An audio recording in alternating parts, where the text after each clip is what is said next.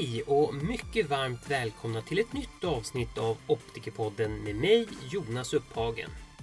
I slutet av november genomfördes för tredje gången Synologens Academy Weekend på Clarion Hotel i Stockholm. Vi är oerhört tacksamma att Optikerpodden även denna gång fick inbjudan till denna mötesplats för kunskap och nätverkande. Tyvärr hade jag själv inte möjlighet att delta på plats denna gång utan istället fick min kollega Malin Nordström sköta intervjuerna under konferensen.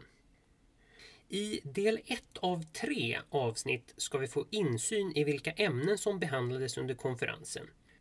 Först ut blir den brittiska professorn Edward Mullen som dels deltog under en av konferensens paneldiskussioner men stod även på scen med sitt föredrag Myopia Pathways to Therapy.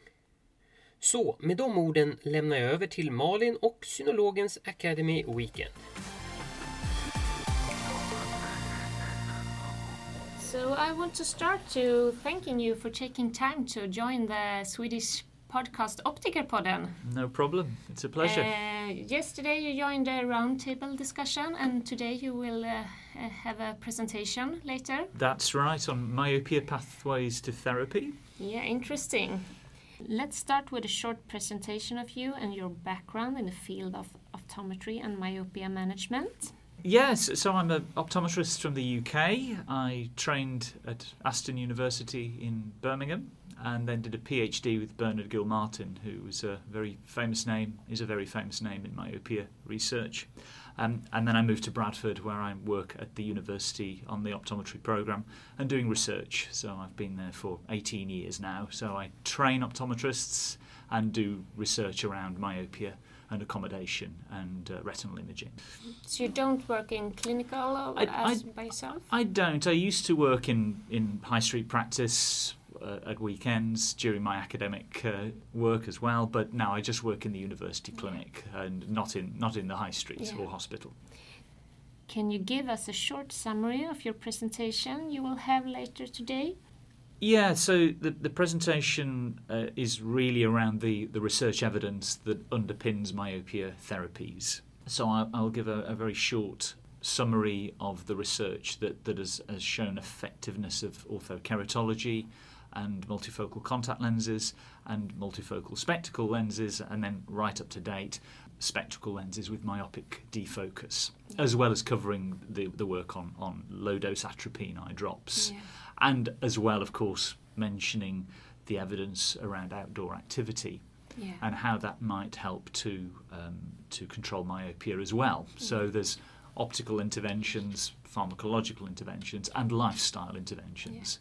Um, so it's really to give the audience um, a taste of that evidence base, and really to encourage uh, practitioners to get involved in myopia management, should they wish, and also to understand that, that we need the research evidence to really drive policy Yeah. because until we have that really strong research base, um, we, we can't really expect policymakers to, to listen to myopia management as a, as a really good intervention. We have to have the scientific Yeah. basis for Yeah. it. like Um, evidence. For Absolutely, It. and that I think is crucial, and that will drive hopefully a, a broader uptake of myopia management across the eye care professions, including optometry and, and ophthalmology, um, because that, I think that's crucial. Yeah. Yeah. Interesting. It sounds like a good toolbox to take home. Yeah, yeah. yeah. You mentioned myopic defocus mechanism here. Can you like easily explain myopic defocus who, for those who doesn't know what it is? Yeah, so, so essentially what we have in this scenario is is a clearly focused image at the back of the eye. So we're correcting the vision, but in addition to that, we have an additional portion of a contact lens or a spectacle lens that is bringing an image also in front of the retina. So there's a clearly focused image on the retina, but within the eye there is myopic defocus as well. And it's thought that the myopic defocus gives a stop signal to the eye to say, okay, stop growing. You're long enough, stop growing. Now, the exact mechanism around how that works is not really understood. Uh, we, we don't yet know. The obvious point to make is if a myopic signal stops an eye from growing, why are there myopes? Because the minute you start to become short sighted, if that myopic image is enough to stop the eye growing, you should just stop. But we don't, we continue yeah. progressing.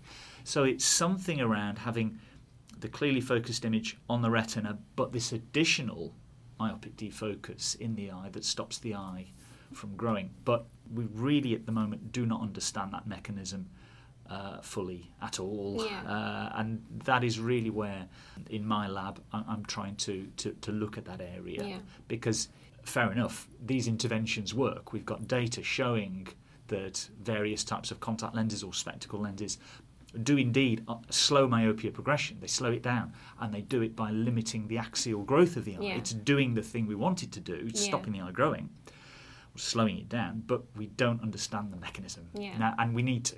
Just because something works, we, we shouldn't say, okay, fine, we'll carry on. We need to understand that. Because the next step, really, in myopia management is refinement of those techniques to say, okay, can we actually put in a different power of lens? Could we alter that myopic defocus in some way? Could we tailor it for the patient to maximize the myopia controlling effect? That would be a brilliant thing to do because yeah. clearly you can then maximize the effect for a given individual. And, and, that really will be the next stage, in, I believe, in myopia management, the tailoring of the management to the, um, to the patient. But we do need to know a lot more yeah. Uh, so the next few years are going to be very interesting, actually, to see whether we can tailor tailor yeah, that uh, that intervention. So we just know that myopic defocus helps uh, stop growing the eye. Um, yeah, that, and, um, that's right. And really, that came around from animal work, where yeah. a, lo- a, lot of the, the animal work on the on the chick and on the on monkey models and tree shrews, some more some more mammals, um, uh, has showed that if you induce defocus, you can change the speed at which an eye grows. So, r- really, a lot of the work that we're seeing now clinically uh, was based around that, those animal theories uh, yeah. as to why the eye might respond to a lens of a particular power. But again, you know, clearly in humans, we, we don't fully understand the mechanism. So that that is really where we need to be. Yeah, yeah. Yeah. But we know like uh, orthokeratology and atropine, and yeah, we have some contacts and glasses now. That, all that, those uh, create a myopic defocus. That, well, with if, if we take atropine out of that example, yeah. because atropine uh, works via a different mechanism. Okay. That that really is targeting receptors. We think mm. in the sclera and in the choroid to, to slow the growth of the eye. Now, atropine is interesting. Um, if, if we look at the, the studies of atropine in, in myopia management, we do see in many of the studies a mismatch between the myopia treatment effect and the slowing of the axial growth. In the lens based studies, certainly from what I've read, the effect that you see in myopia management is explained by the axial length it's not fully explained in um, atropine. So we're tending to see um, perhaps a smaller change in the axial length growth rate, but quite a large change in the myopia management amount. So they're not quite in step with each other. So once again, I think we we don't fully understand yeah. the mechanism around atropine. it does seem, certainly from a, an axial length to myopia relationship, it's, it's more in step yeah.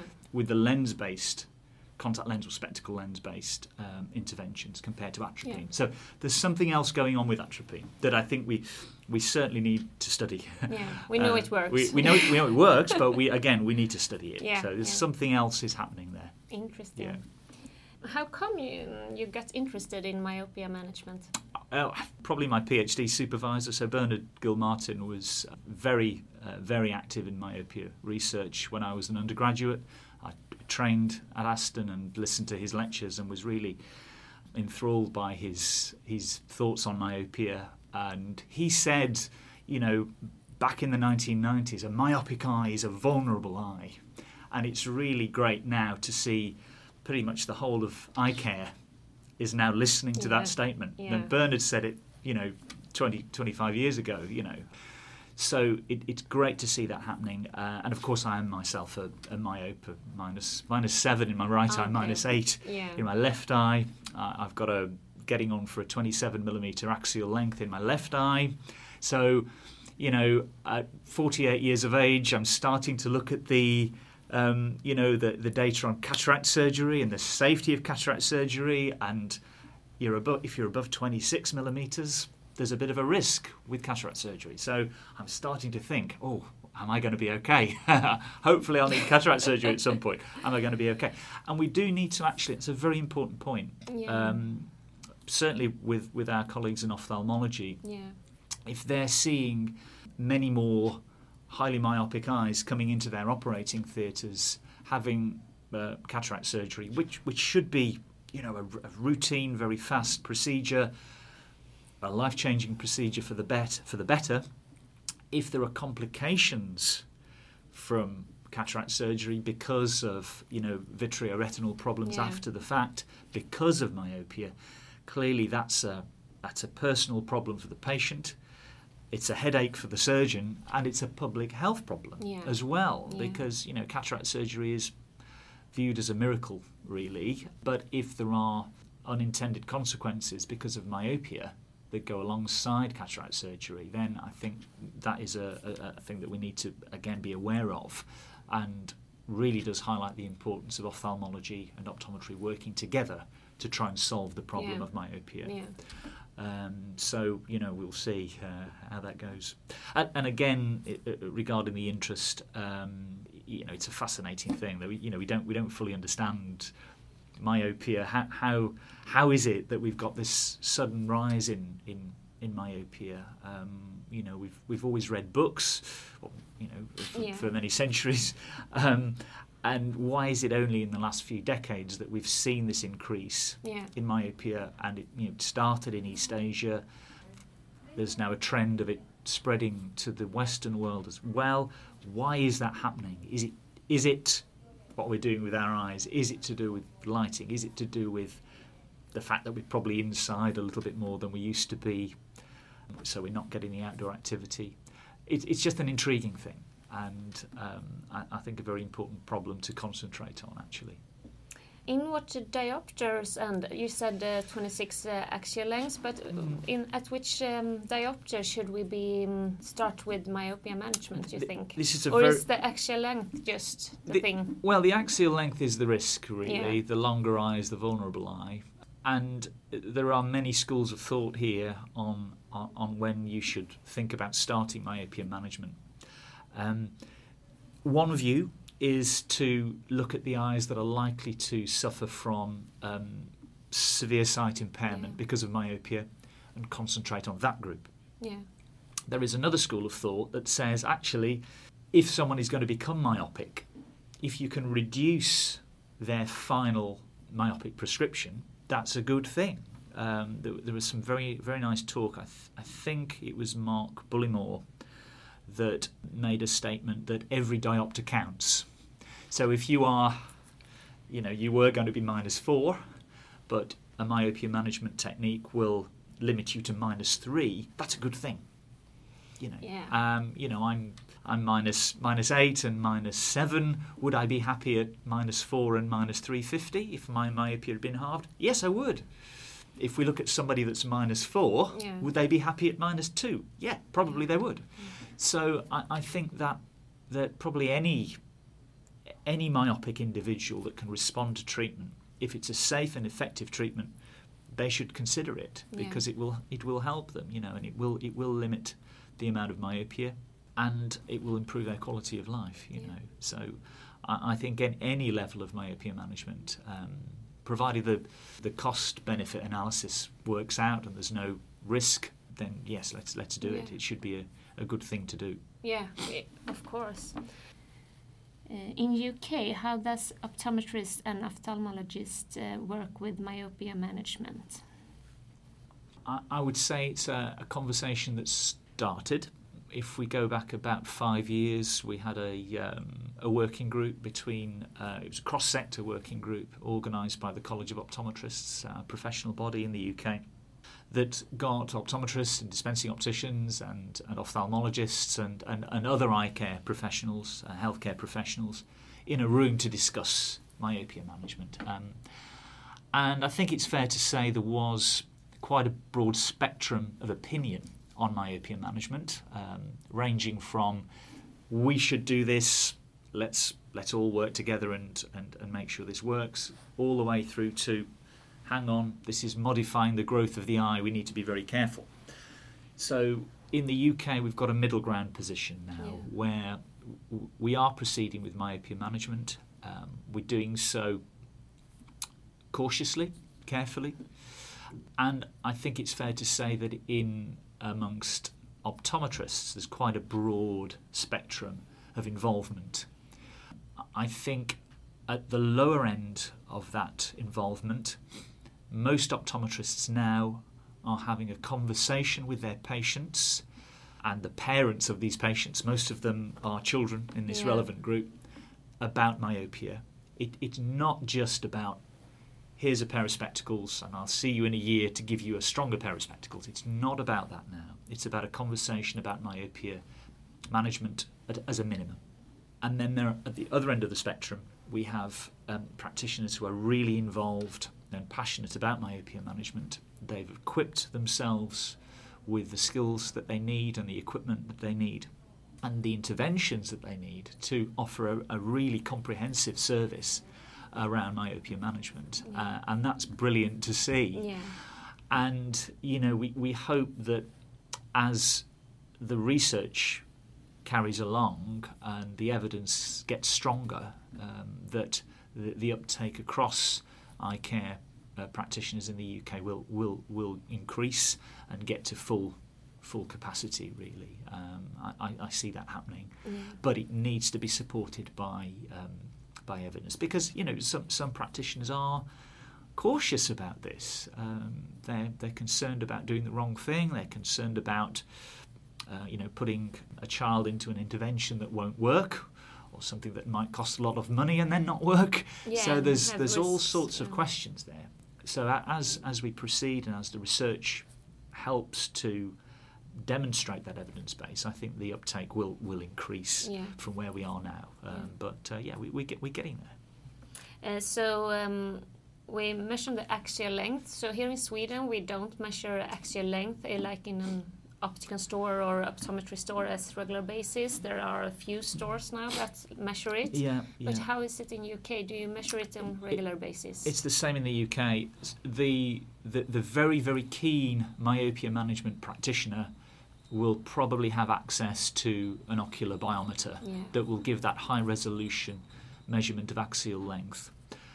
It's probably fair to say that most practitioners in the UK do not have access to a measurement of axial Yeah. length in their their routine practice. We do, of course, at the university, but you know we're Yeah. a university clinic.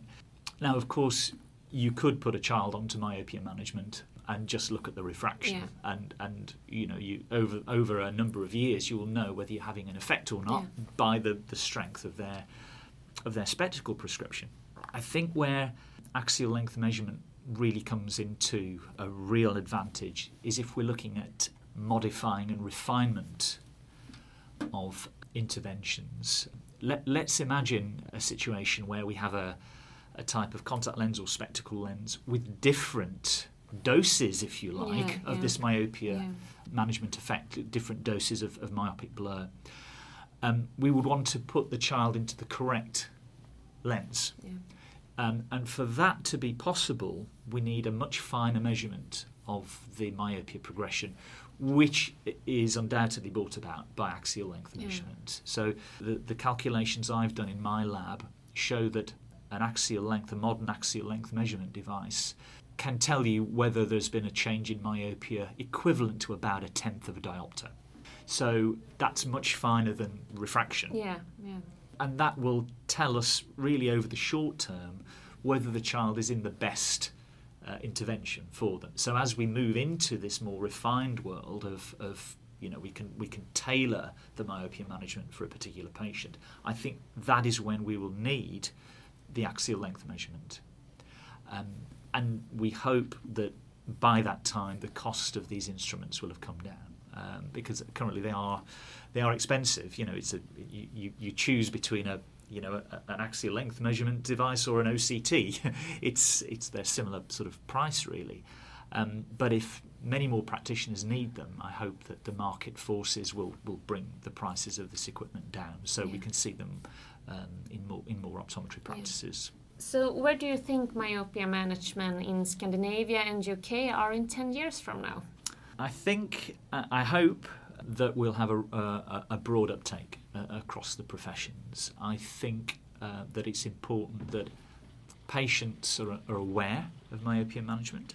I think uh, that if someone is amenable to treatment, they should be having the treatment, they should have access to it. So I hope to see across both countries that we've got access to this, this treatment, we've got access to products and interventions that will give us effective treatment, and then we're far down the line of, of refining techniques. But then, additionally, in governments, in health policy makers, I think they need to understand myopia, the socio-economic effects of myopia, uh, particularly the cost of sight impairment from, from a personal point of view and from a social and healthcare cost point of view needs to be understood. And then I think we need funding for myopia management, actually. If the um, predictions that came from the Brian Holden Institute are true, and we have half of the world's population myopic by 2050, that's a problem.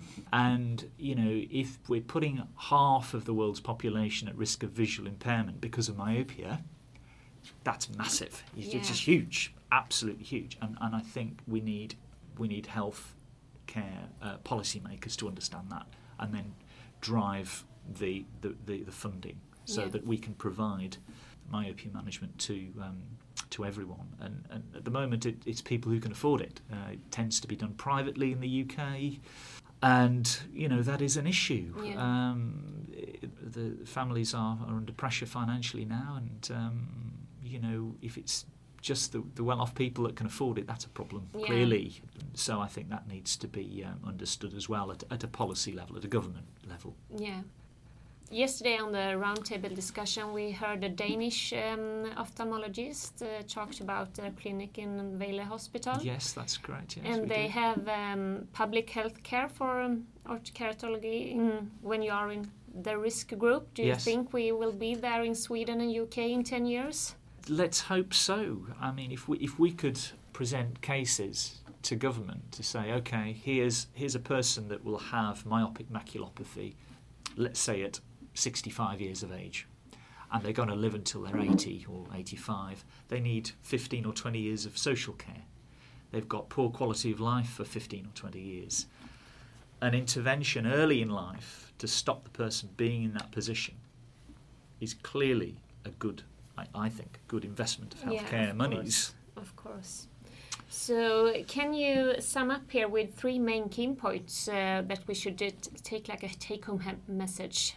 The first point is follow the research. So read the research and understand it and give you confidence as a practitioner that if you're putting in place an intervention in your practice, you're safe and you, you can you can justify what you're doing. I suppose the second thing is communicate this to your patients. Make sure that they understand myopia. And They've got a- fuller understanding of what it is. It's not just about needing glasses for the distance. It's it's a it's a broader a broader thing that you can actually do something about it now. Um, and I suppose the third point is shout about it to get to try and get the policymakers in every country to understand um, the importance of myopia management. Really. Any other thing we have missed out on or that you want to mention in Uh, the podcast? No, I, th- I think that's everything. It's covered Yeah. all of my key points, Yeah. really. I, it's great to see so much interest now in, in myopia, and um, it- brilliant, really, that we've got this conversation happening, and it uh, it won't stop. It will get uh, even stronger, I think. So I, I think uh, that's a good thing. Yeah. Thank you so much for joining me here in uh, Optiker Podden. And thank you for uh, taking time to come to Sweden and have this presentation and discussion yesterday. So we will end up here and you will can go and prepare your presentation. Thank you very much. It's been a pleasure. Thank you. Thank you. Då tackar jag också Edvard Mallen och eh, vill även givetvis tacka Malin Nordström för detta inspel i Optikerpodden. Och även stort tack till Synologen för inbjudan och tack till alla lyssnare som valt att lyssna och jag hoppas att ni fick med er något matnyttigt även denna gång. Detta avsnitt planeras att publiceras under julhelgen så avslutningsvis vill jag passa på att tacka alla lyssnare för året som gått och önska alla lyssnare en riktigt god jul och ett gott nytt år. Slutligen tack till kompetensföretaget iKnow som hjälper till i skapandet av Optikerpodden. Vi hörs!